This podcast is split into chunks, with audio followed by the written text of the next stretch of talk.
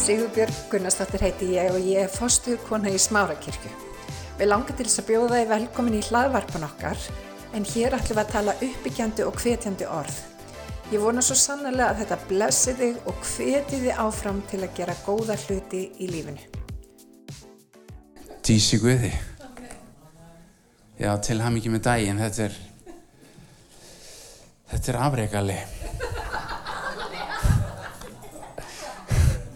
Nei, nú bara fýblast, en þið veitir, ég veit að Sippa þú hefur verið blessun líka, mikil blessun inn í hans líf. En, já,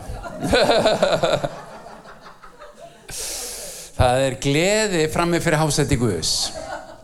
Og þegar við komum inn í hásættisalinn sem að drottin býður okkur eins og ég verið að tala um, þá er gleði. Og, og það er fögnuður að hann gleðst yfir börnum sínum. Amen. Þannig að við erum upplýstjörf og lítum upp því að við væntum betri vonar, eða maður getur sagt það sem svo. Og, og það er ný, hann er að undirbúa ný heimkynni fyrir okkur. Amen. En uh, ég hef verið með þema um að fá að sjá drottin og, uh, og það skiptir okkur svo miklu máli vegna þess að þar breytist við frammeð fyrir Guði. Grunnur kristnunar er blóðið, blóðkreis, eldur heila sanda og skýrnin í þessu nafni. Og þú tekur bara mótið þessu, þetta er bara gjöf. Og uh, þetta er okkur bara gefið af Jésu Kristi. En síðan þurfum við að kaupa brúðaklæðin, ekki koma á Narbukssonum í brúköpið og uh, sem að þýðir að við kaupum brúðaklæðin með líf okkar, við gefum niður okkar vilja og tökum hans vilja. Og þess vegna þurfum við að þekkja huga og hjarta Guðs sem speglast í henni heilari reikningu. Og, og það er mjög mikilvægt að þekkja þetta orð og er eitthvað að skrifa niður? Má ég sjá hver er að skrifa niður? Ég ætla að byrja núna. Já, takið upp skriffærin og ef þið er ekki með eitthvað, reyna að fá hjá okkur um öðrum og, og hérna til að skrifa niður. Því að virkjum skilninga þetta. Þetta eru alveg tímar, en þetta eru skemmtilegi tíma framöndan. Skiljið þið? Það er svo mikið spennandi í Guðsríkinu framöndan vegna þess að við erum að fara inn í þessa enda tíma sem að verða æðisleir fyrir þá sem eru í eldinum það verður alveg ríkalegir fyrir þá sem eru ekki með Guði og þú veist, það, það er bara þannig. En við þurfum ekki að óttast. Ella talaði um að, að þekkja hann og vera þekkt á honum. Og, og meginna þurft, þurft að eiga ólju en hann að það að kaupa. Og það var svona aðskilnaðar þegar það voru vaktar með kallinu. Og, og það þurft að fara og kaupa og þess sem fóru og átti ekki ólíu og þurfti að fara að kaupa og svo segir hann bara ég þekkt ykkur ekki. Þið komist ekki inn það verður svakalegt ef það verður lokað á nefið á okkur. Þannig að við þurfum að kaupa ólíuna núna. Við þurfum að gera eitthvað núna með hlutina. Ok. Þannig að vegna þess þó ég vildi gefa ykkur ólíu eða, eða sippið ykkur annar þá getum við ekki lagt hendur yfir ykkur og sagt já já nú bara yfirfæri ólíun á þig. Nei þú verður að kaupa hann sjálfur. Ok. Sko ég reyna að vera eins skýr og ég get til að þið, þið skiljið því að ég þrá að sjá okkur vaksa og ég þrá að sjá það að Kristu verði myndaður í ykkur og þið umbreytist frá dýr til dýrðar. Amen. Núna er, er þessi tími það er ofinbörun á fegu Guðs og mik, sko mikil fengleika hans. Við erum að sjá miklu með, sko starri hluti í Guðsríkinu. Og við erum að sjá hans sem brúkuma og við höfum verið að tala um það að horfa á fegur Guðs vegna þess að það breytir okkur nú höfum við bara vera heitt í hamsi sko. Ok. Það eru opin heiminn og það er vitjunatími en við verðum að nota þennan vitjunatíma og við verðum að fara að kaupa olju og við förum hérna í postulusjónu 2.17 Það mun vera á hérna á efstu dögum, segir Guð, að ég mun útælla anda mínum yfir alla menn. Sýnir yðar og dætu munu spá, ungmenn yðar munu sjá sýnir og aldrað yðar á meðal mun drauma dreyma. Og þetta er tíminn sem er núna að markvaldast framöndan. sko það verður endurreistn og smörningu postulusögunar en það verður bara í markvöldunarfeldi sem sagt það verður markvald og við fáum að sjá meira af þessu, meira af sínum og meira af því að menn dreyma andlega drauma og ef þú dreymir eitthvað þú vaknar á morgun til dæmis, eitthvað andlegt verður með hérna, blað og blíjand við hliðina og skrifa það niður. Vegna þess að það skiptir máli að taka það út feskur, skrifa niður. Þú skilur kannski ekki nema helmingin en Guð er að tala. Svo byður yfir þessu og Guð talar alltaf þannig að, að það sé eitthvað sem að þú munt fá ofinbjörn á. Og hann er ekki þannig að hann sé að reyna að hilja þetta fyrir þér eða svo frammeins heldur það er ákveðin leit, það er ákveðin eltingaleikur við Guð sem að þróskar okkur og hjálpar okkur. Ok, þannig að Guð er að fara að endur þess að smörtingu á postulusögunni og hann ætla að fara að gefa þessa fimmfaldu þjónustu og reysa hann upp á öðruvísi heldur en hefur verið. Og þessi fimmfaldu þjónustu sem er í FS-bríunum fjórðakabla sem að Jésu Kristur hefur gefið sumum, það er náttúrulega trúbúðin sem við sjáum að hann vil fara langt og ná í marga sálir og draga henni í Guðsríkið. Og síðan er það hyrðirinn sem er með söpnuðin og hann hugsa mikið um söpnuðin hennan stafnuna söpnuð og hefur þetta hjarta. Og stundum fer hann í meðverkningsskýrin og þóknast fólki og gleymir að þóknast Guði. Það er hættan þannig að svo ég tali til pastora. En svo er það kennarin og það er þessi einstakki gaur sem að getur tekið alveg ótrúlega flókna hluti og fyrir smörningu Guðs kemur það opbáslega einfalt. Og fyrir svona neyri í smáadriðin og síðan er það spámaðurinn.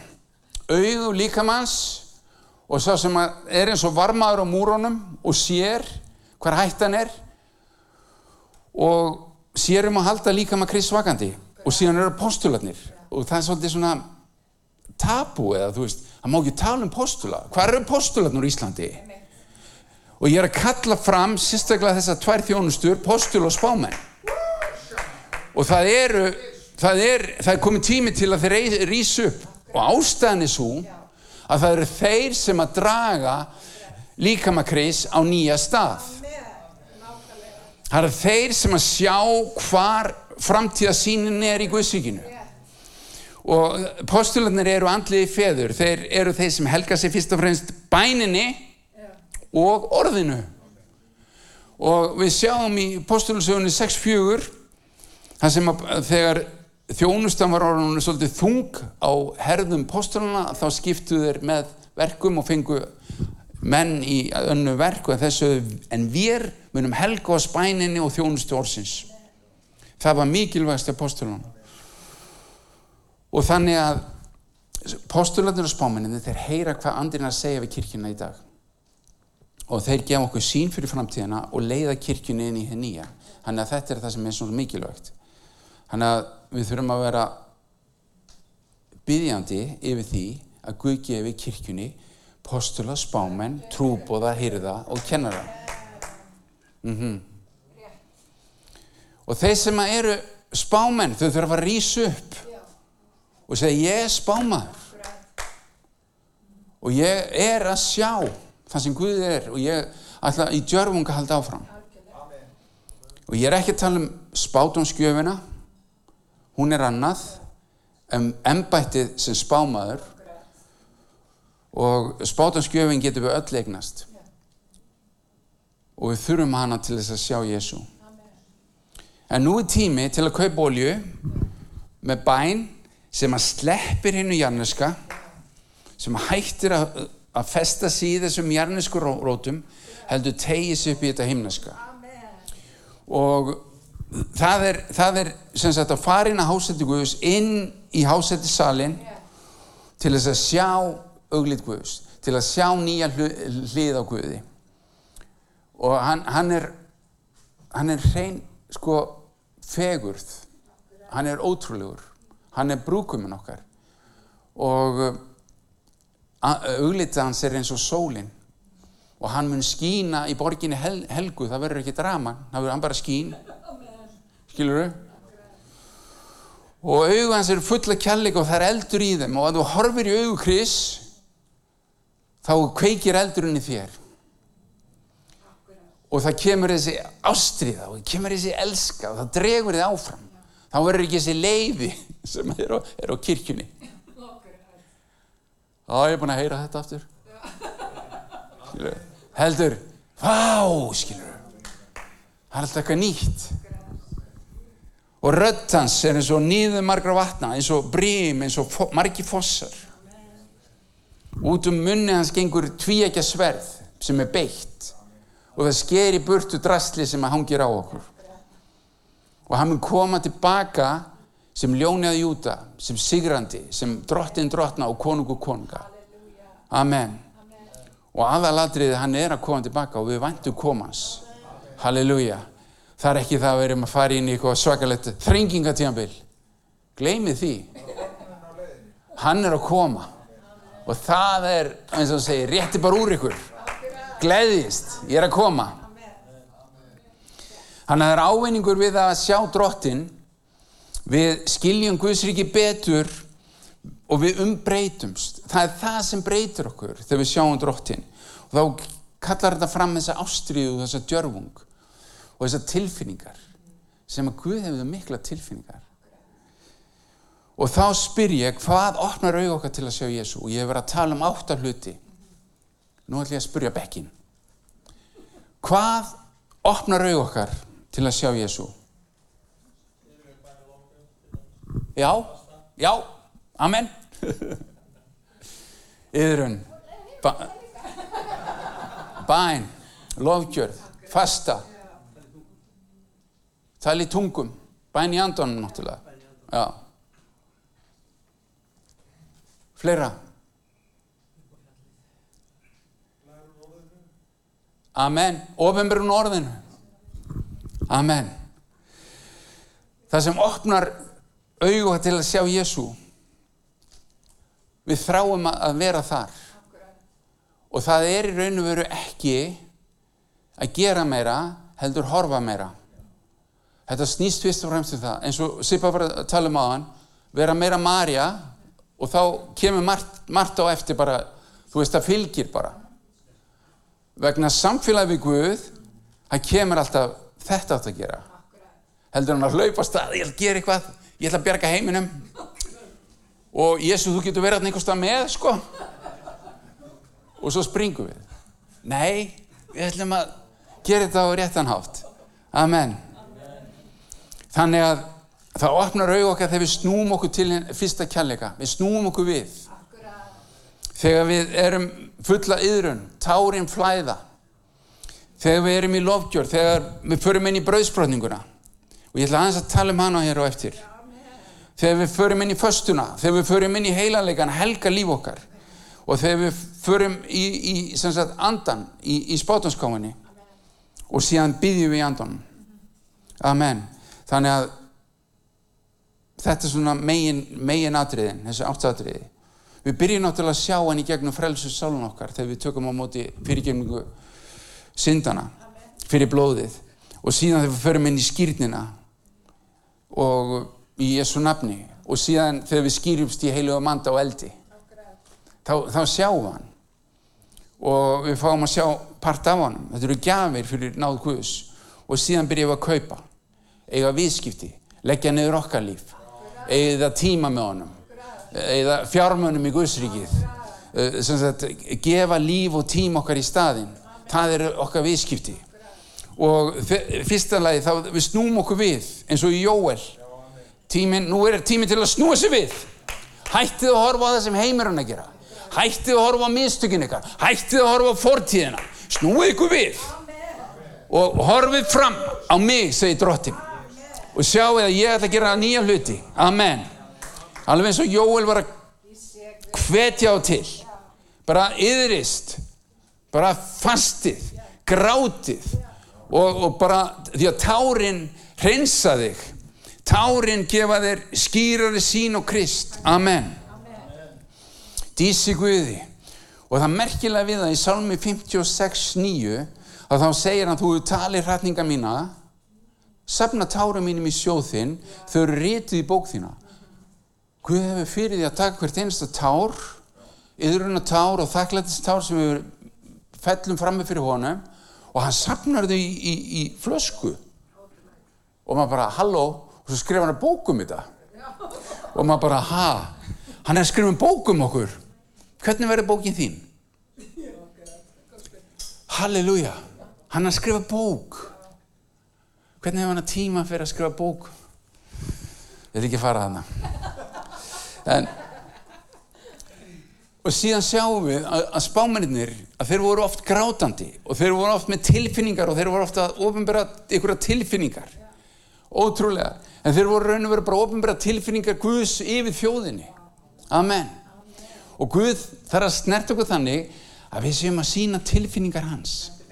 Amen. Ég er Guði tilfinningarsamur og síðan var það lofgjörðin Við sjáum Guði gegnum lofgjörðina. Davísálmar, annarkveð Davísálmur er bara ofinbjörnum með lofgjörðin hvernig þú sér Guð. Því að Davíð sá Guði gegnum lofgjörðina. Og hann var svo ofstækisfullur að hann, hann sagði drottin, má ég taka örkina það sem nærverða þín er og fara með hana bara úr, úr tjálbút Mósi og inn í aðra tjálbút og lofa Guð dag og nótt þar. Með yfir 8000 levitum. Skilur þau? Og Guð sagði já. Halleluja vegna þess að Guð var að sína þessa opnu leið fyrir alla þjóðir. Ekki bara fyrir aðstaprestin að koma að örkinni. Og síðan reysu upp spáman og sjáendur í markvöldunarfaktor í ríki Davís og síðan er það fjóruðatrið, það er brauðsbrotningin og ég verða aðeins að staldra við hana. Þegar þeir voru lærisunarnir eftir krossfestingun og döða Jésu Krist og þegar hann var risinu upp, ný risinu upp frá döðum þá voru þeir að gangi tveir frá, frá Jérúsalem til Emmaus. Og þeir voru þarna og þá lappaði Jésu upp við liðinam og fór að tala við þá.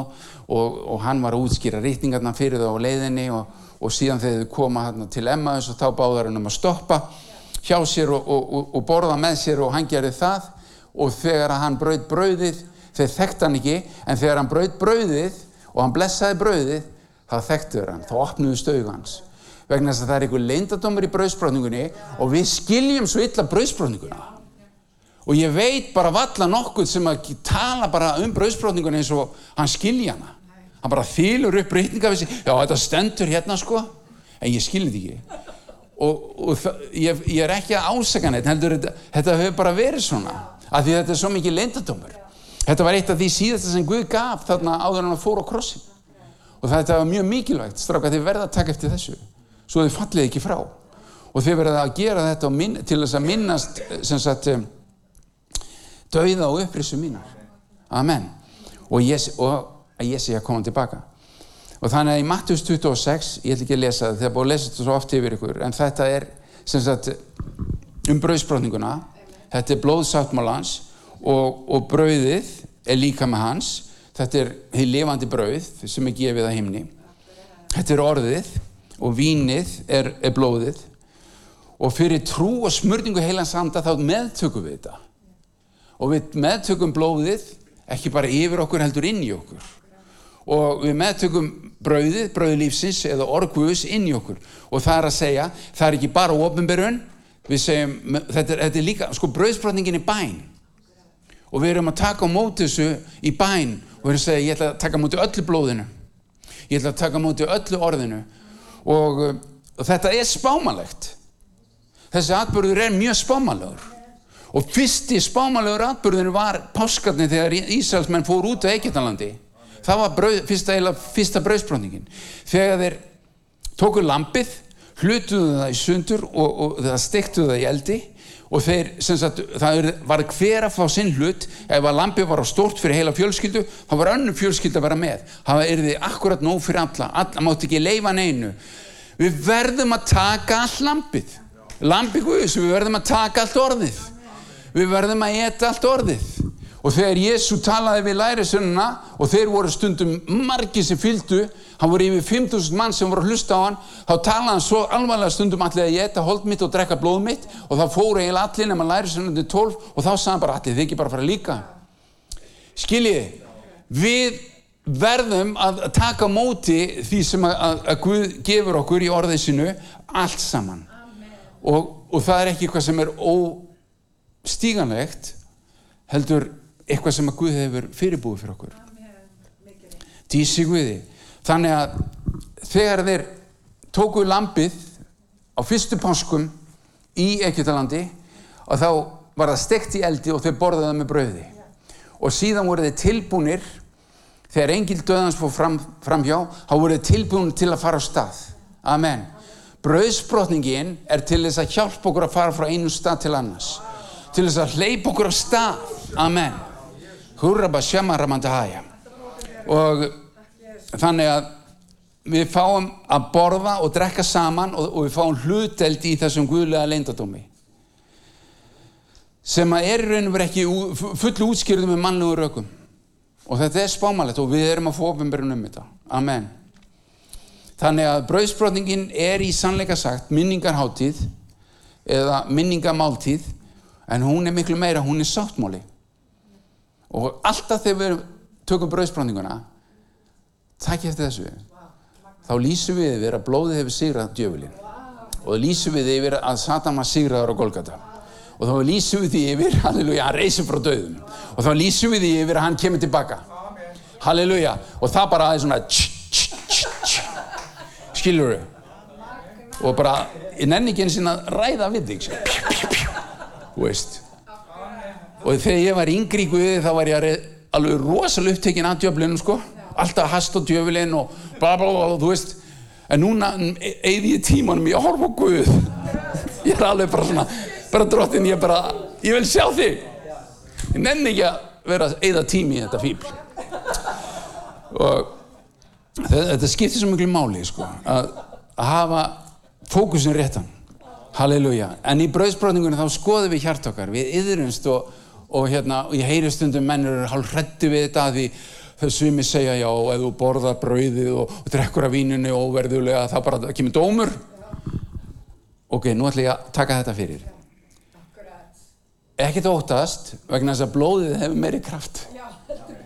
Ef þú ert með hjarta sem er bara opið og segir bara drottin fyrirgeðu mér allt sem ég hef gert. Og þarf ekki það einu sinna mun eftir öllu. Bara blóðið yfir. Ég er tilbúin að tala, bara taktu þetta svona. Ég tek á móti blóðinu og ég er tilbúin að taka á móti öllu orðinu þessu brauði lífsins að þá erum við bara undir dýrlegum sáttmála. Halleluja. Þannig að það er ekkert óttast. Og þegar biblían talar um sáttmála þá eru tvær tegundar af sáttmála. Það eru skilirtir og óskilirtir og þessir átta sáttmála sem Guð við gert við Ísrael og mannkinni þá eru sex af þeim óskilirtir sem þýðir að bara einhlýða Guð gerir sáttmála sama hvað við röflum eða ætlum að gera. Halló, hann fyrir bara sínu áfram.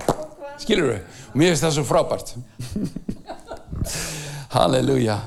Þannig að sterkustu sáttmálandi sem hafa verið notaðir ekki bara af, gegnum hérna, söguna af kristnum fólki eða af Guði heldur bara af öllum hafa verið blóðsáttmálar. Og Guð skrifaði sáttmála með blóði sínu. Amen þannig að við, við sjáum til dæmis eins og gamla testamenti og nýja testamenti þetta er raun og veru gamli og nýji sáttmálin sem að vísar í þetta. Halleluja, við erum undir þessu nýja sáttmála. Og þetta er meðalgangar í milli þessara sáttmála er Jésu Kristur og hann tengir á saman með blóðið sínu. Og blóðið við hugsaum kannski um blóð Krist. Já ég þarf blóð Krist að því það ég er búin að gera eitthvað ljótt. Og ég þarf bara að láta hann hreinsið í burtu. Og hann gerir það. Og það heitir í gamla sáttmálanum syndafórnarblóð og það reynsa syndin í burtu tekur hann bara í burtu. Kastar hann í gleimskun haf. En það er miklu meira. Það eru sex hlýðar á blóðinu í raun og veru. Sektafórnar blóðið eða yfirtróslu fórnarblóð sem að hjálpar okkur að fyrir ekki öðrum og tekur bítuleikan í hjart okkar gagvart öðrum sem hafa gert eitthvað á hlut okkar. Og ég glýmdi, hef glýmt við það að ykkur hefur gert eitthvað á mér og ég hef bara átt erfitt með að fyrir ekki að viðkomandi og það er öruglega ykkur sem hefur átt við það að glýma og þá nota ég bara blóðið. Og ég bara, drottin, ég ræði ekki við þetta. Ég, ég hef ekki kraft til að höggva þessa beskju burtu. En þú getur gert það með blóðinu. Og síðan er það brennufórtan blóðið sem að hjálpar okkur helgar göngu okkar og hjálpar okkur að ganga þessa göngu áfram. Amen. Dísi Guði.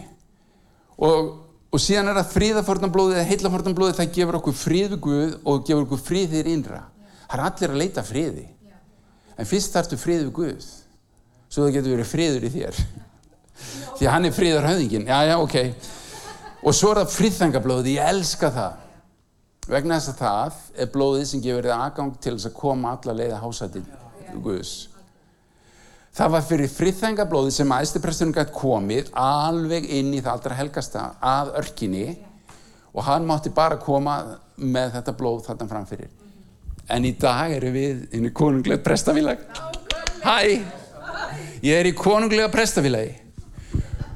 Ég þetta er svo spennandi og maður má koma inn í hásætti salin sko, og gleyðjast með Guði og sjá eitthvað nýtt af Guði mér finnst þetta svo magnað, ég alveg elska þetta og þetta snertir sko hugsanir okkar og þetta tekur burtu okkar áallanir og okkar vilja og við erum bara tilbúin til að já Guð, ég ætla að vera mjúkur í höndunum á þér, ég, ég sé hvað þú er stór. Og síðan er það páskablóði sem að ég talaði um í upphafið, þess að leysir okkur þegar við erum föst ykkur staðar, við erum föst í sömu spórunum, við erum búin að vera í 430 ár hérna, sögðu Ísraelsmenn, fastir í, í ánöðu og, og svo leisti blóðið á, þeir reyndu nýju aðra önnu triks áður, en það var ekki fyrir blóðið kom, þá komið ykkur út, amen. Þannig að blóðið er innsikli Guðs, blóðið er kraftu frá Guði og það gerir miklu meir heldur en bara hreinsa syndindar hann er notum blóðið. Amen. Hann að þegar við erum í bröðsbrotningunni og ég bara tek bröðið og ég tek hérna vínið eða hérna áhasta saman og ég bara tek á móti þessu í trú og þetta er blóðkris ég tek á móti öllu. Það verður hlut af mér. Amen. Dísi Guði. Það segir líka í Efsbrifin Anna Kabla á 13. vest en nú þar á móti eru þér sem eitt sem voru fjallaðir orðin nálaðir í Kristi fyrir blóð hans. Amen. Við höfum nálgast Guði gegnum blóða hans. Og mér finnst þetta svo dýrmætt að við höfum koma að hásættinu við höfum koma inn í, inn í hás, að, að, hásætti salin og koma inn í nærveru Guðs og koma bara þar og horfa hann og dvelja við fætur hans og, og fá hann til að, að smita okkur af ástriðu sinni, smita okkur af, af dýr sinni og, og, og bara brenna burtu þetta drastli í okkur. Já, öll viljum við breytast, trú ég.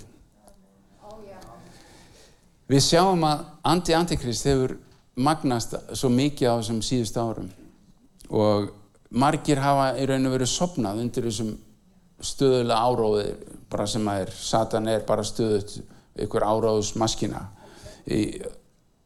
ok, ánum að fara ítala í það en við þurfum að vera þessi sem hrópar á þessum dögum og við höfum bara að hrópa sjá brúkum í kemur og, og hrista hérna kristn til að við þurfum að vekja það upp og brúguminn er að koma og eins og segir hérna í ofrannabónginni 12. kabla og 11. vessi og þau hafa sigraðan fyrir blóðlamsins og fyrir orðvittnusbröðsins og eigi var þeim lífi svo kjært að þeim æði döðin og þetta er raun og veru það að við séum hreinandi blóði lamsins við séum að sækja fram og við eigum en að vittnusbröð við höfum séðan og þegar við farið inn í hásættis salin og við hefum séð nýja ofinbjörn í Guði, þá getum við komið brennandi tilbaka og sagt áttum vittnisspörð og sagt það er meira heldur en þetta, amen. Og svo að eigi var þeim lífi svo kjært að þeim æði döði við þurfum að leggja niður okkar líf. Við þurfum að krossast okkar vilja. Nú fymta að drifa fastan. Það er, mismun, það er svona sjö mismunandi fastur meðal já aðal, aðal förstu töfundur í biblíinni sumir þekkja þetta fasta fyrir ég er að byrja ykkur nýri þjónustu og, og ég er að fá nýja kraft og eitthvað svona skiluru eða eitthvað annað eða, eða, eða fasta fyrir að, að ykkur læknist og eitthvað slíkt. En fastan sem Jésu talaði mér í Lukas 5.34 þegar hann var ávitað fyrir það að farið séðarni komu og sögðu já okkar fylgisveinar og, og, og læri sinna Jóhannesar, þeir fasta reglulega tvísar í viku, hvað gera læri sinna þínir veist, þetta var svo, svona dæmi sko. Og, og þá saði Jésu við á hvort geti þér ætlað brúkupsgestum að fasta meðan brúkumin er hjá þeim? En svo heldur hann áfram að þeir munu fasta þegar að hann verður ekki til staðar.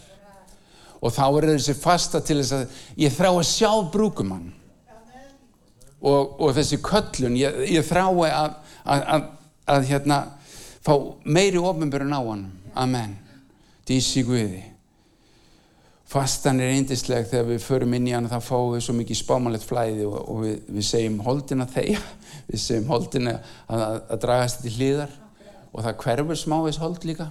Það er svolítið gaman að því. Það er svona bónus í þessu. En algjörlega sko indislegt og ég held ég að við séð mesta sínum því ég var að fasta sko. Og bara þá er flæð í gangi sko. Amen. Og síðan er það sjöttadrið, það er fríður og heilalegi Hebrabriði 12-14 stundi frið við alla menn og heilat lífverðnið því án þess fór engin liti drottin. Og við þurfum að, að, að hérna, helga líf okkar. Og eins og ég var að tala um að helga skilningavitt okkar, helga aug okkar og, og svo framvegis og svo er það andi spátumskáunar og þetta er mikilvægt fyrir okkur. Og það er í ofnarbókinni 1910 og þá er talað um að vittnesbyrðu Jésu er andi spátumskáunar að við, til þess að fá þennan vittnesbyrð til þess að fá, fá þessa sín á Kristi til þess að sjá drottin þá þurfum við að fara inn í andan við þurfum að vera í spámalegum anda. Og þetta er gjöf sem að er eina af þessum nýju gjöfum andans sem að heila randi gefur okkur og hann gefur okkur náttúrulega trú, hann gefur okkur þekkingarorð og, og viskorð, lækningargáfuna og kraftaverkagáfuna, hann gefur okkur tungutalið, útleggingu tungutals, greiningu andans og, og síðan gefur hann okkur þetta líka að hann gefur okkur andas bátumskafunar og þetta, þetta er mikilvægt að við keppum eftir þessu og Orgus ymitt segir í fyrsta kornurbrið 14 keppið eftir að eigna spátumskáuna þetta gefur okkur sín og þetta er gáan eða, eða gjöfin. Svo er hitt sem ég var að tala um á hann embættið sem spámaður sem að við draga kirkjuna inn í framtíðina. Og við erum ofta að horfa á spátumsgjöfina svona í núinu og ofta að horfa tilbaka sko. en spámaðurinn horfið fram Amen. Þannig að við vorum að tala líka um, um, um spámenn og sjáendur. Og spámenn eru innblá, tala innblásið orð frá Guði og hann, hann fær innblásið orð frá Guði og svo er þessi sjáendur. Þeir, þeir hafa sem sagt sínir og þeir sagt hafa bæði opnar og lokaða sínir þeir, þeir sjá inn í andasínum eða þeir sjá bara inn í hennu náttúrulega. Og stundu hverfur þetta náttúrulega alveg. Og þeir hafa meira vald í andanum til að gera samningu Guð sangat síni eða sangat vilja Guðs. Og uh, þeir hafa sagt vald til að breyta hlutunum og Guð er að reysa upp þetta í dag og er að kalla fram spámen og sjáendur. Og þú veist alvöru spámen og sjáendur sem að sjá nýja hluti og það sem Guð er að gera. Og þeir eru eins og varmenn þeir eru eins og, og hermenn til þess að verja það sem dýrmætt er. Og varmaðurinn stóð alltaf efst í turnunum hann horfði yfir að sjá hverju voru að koma hvort voru vinir eða óvinir og þegar við erum í þessum spámalega manda þegar við erum með augunopun að þá sjáum við hvað Guð er að gera. Og við sjáum hvað óvinnur er að gera líka. Við sjáum hvað er hættan stæðjar að. Og þe þeir eru til alltaf þessir varmenn og herrmenninir voru til þess að verja þetta dýrmæta. Og í dag er, er, eru þessi spáman til þess að í líkama kris kallaða til þess að byggja sérstaklega fyrir henni náttúrulegur brúði kris sem er Ísrael og fyrir henni andleri brúði kris sem er kirkjan. Og um, þannig að þetta, þetta skiptir okkur máli að þekkja þetta. Og sá sem blessar Ísrael menn blessar að verða. Þannig að höldum áfram að, að, að lifta Ísrael upp því að Guð hefur ekki glemt Ísrael. Og þegar Guð talar eitthvað þá gleymar hann ekki hlutunum sko.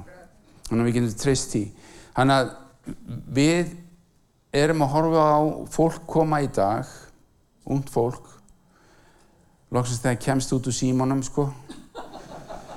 Þá kemur það í anda Elíja spámans Elías spámans og það hefur ekkert umbröðalindi hvert því sem að kemur gegn vilja Guðs. Ekkert. Við erum búin að vera í rosalur umbröðalindi hvert syndinni. Og bara ef við sjáum fólk koma á samkomið þá erum við já reynum að halda þetta svona já, svolítið svona líbó en það er komið tími til að segja sannleikan sko. Áha Þann Akkurat. Þannig að þetta er lið sem að hefur eigi ekkit umbröðlindi og þau eftir að sjá unga fólki sem að rýsa upp og við höfum að byggja fyrir þessum spámanum og byggja fyrir þessum postulum sem að rýsa upp í þessum anda. Amen. Þetta verður spennandi tímar. Það er algjörlega. En það munu aukast ofsóknir. Ha, það mun fylgja þessu. En það sem kemur samlega því dýrkvís mun aukast. Halleluja. Það mun aukast. Og það er mjög spennandi. Og uh, þessi, tími mun tendra hjört okkar og gefa okkur kraft til að hlaupa. Og í gleði munum við hlaupa markinu. Og það segir hérna í fjörðum Mósebók 12.6 og hann sagði heyrið orð mín. Þegar spámaður er meðalegar þá byrtist ég honum í sín og tala við hann í draumi. Þannig að tökum eftir því sem Guð vil segja. Og hann byrjar ofta á litlum mólum og þegar, þegar Guð kemur með eitthvað þá bætir hann ofan á. Og stundin kemur hann með einn móla hjá þessum spámanni og svo kemur hann með annan móla hjá hinnum og saman kemur þetta verður þetta mjög öflugt. Amen. En við ætlum að fara í síðasta aðrið sem er bæn í andonum. Og Jóhannes var í andonum hann fór upp til heimins, hann fór inn í hásætti salguðus, við vorum að tala um það og hann sá ólýsanlega dýrguðus og hann var að byggja einmitt á degi drottins á sagt, einni Patmos í útlegð. Og hann var að byggja og bænin er eins og ég talaði um ekki, hún er ekki eitthvað listi fyrst, fyrst og fremst hún er staður sem hún kemst á. Hún er samband við personu hún er samtal, hún er tenging og hjarta við hjarta. Hún er, hún er sagt, tenging við þið himneska og sleppa hennu janneska. Og hún er að koma inn í hásætti salguðus og, og hún er hún er svo, bænin er í raun og veru stefnumót við skapara heimis og jarðar. Þannig að þetta er svo stórt, þetta er svo mikið. Og bæn er að horfa á fegur Jésu Krist sem brúkum okkar. Og það segir hérna að lokum í ofanarbókinni fjórðakabla á fyrsta vessi og eftir þetta sá ég á sjá. Opna dyr á heimnum og raustin sem hljómaði sem lúður gilli og ég hafði heyrt á þur og sagði við mig. Stíg upp hingað og ég með sína þér það sem verða á eftir þetta. Og Jóhannes sá opna dyr á himni og, og Guð segir við hann konti bara hingað upp. Og hann kemur inn að hásætti Guðs og hann, hann er raun og veru í erfileikum að útskýra hvað hann sér. Og hann er að reyna að útskýra dýrðina sem að hvernig Guð lítur út og allt þetta. Og ég skil hann vel sko. Þetta, er, þetta, þetta getur verið mjög flókið þegar þú sérði einhverja svona himneska sín að útskýra og þú samt finn, finnur það í andan ég bara skilit allt. En þú, en þú, þú bara kemur þess ekki í þetta mannlega sko. og hann sér þarna hásætti Guðus og hann sér sagt, 24 hásætti umhverfis hásætti Guðus og hann sér 24 öldunga og hann sér reppúan umhverfis hásættið og rebbóin er náttúrulega sáttmála ták Guðs sem hann gaf Nóa og hann er umhverjus hásætti Guðs. Þá er rebbóin og þegar við séum kannski rebbóan á fallum degi hvað hann getur verið glæsilegur og maður bara vá hvernig er þetta hægt og svo fyrir einhverjum dögum að þá er ég að pyrrast að ég að sjá alla þessa rebbóafána á lofti. Og ég, svo talaði Guð tíminn þetta er ták frá mér. Ég er að nota þetta sem spámali ták frá mér. Þetta er ták frá mér. Og ég, já, ég er bara gleðst. Reysið eins marga regnbóðafána og hilli Guð heimurum vill alltaf stela þessu himneska og blanda því sama við eitthvað jarnest og menga það og sörga það og gera það ljótt í raun og veru stundum. Og en, en Guð lætur ekki að sér hæða. Og Sálmu 2 segir Guð situr á himni og hann lítur niður og hann hlæra þessu liði. Og hann, hann er ekkit, ekkit stressaður yfir þessu. Þannig að hann talaði svo skýrt tíminn já, þetta er bara endatíma ták sem ég er að sína ykkur. Og núna er tímin að nálgast. Þið er að fara að koma inn í hásætti salmin það sem hinn sanni regnbói er. Amen. Þannig að þar voru líka fjóra verur sem eru mjög sérstakar.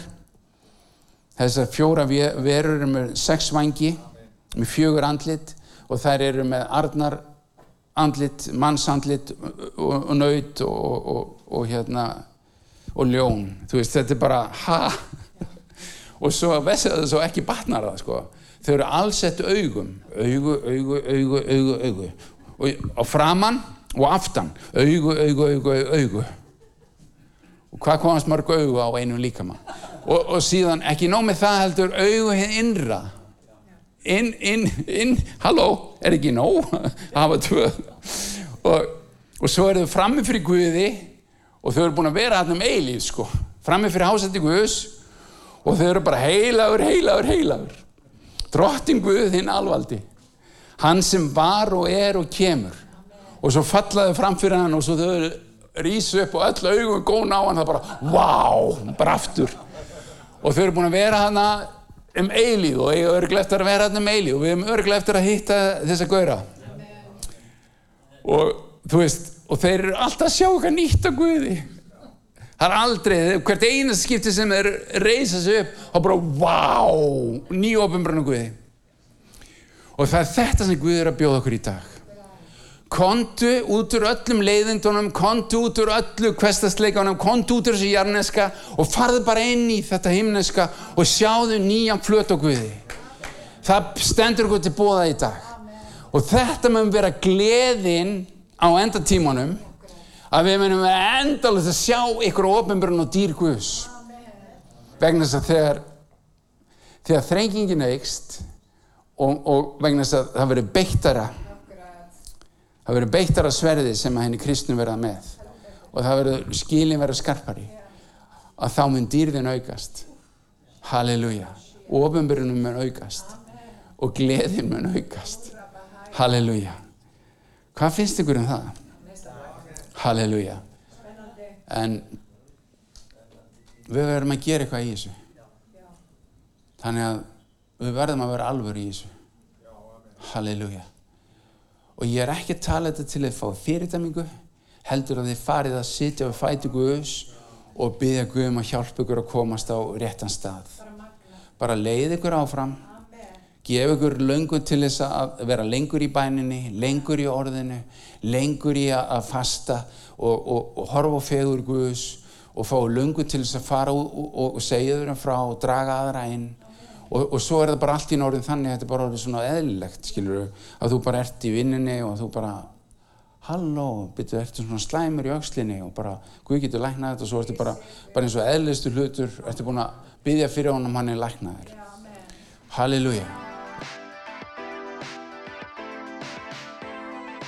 Ég hveti til þess að stilla inn á okkur með reglum hætti því að hér verður alltaf eitthvað nýtt á nálinni. Takk fyrir að hlusta.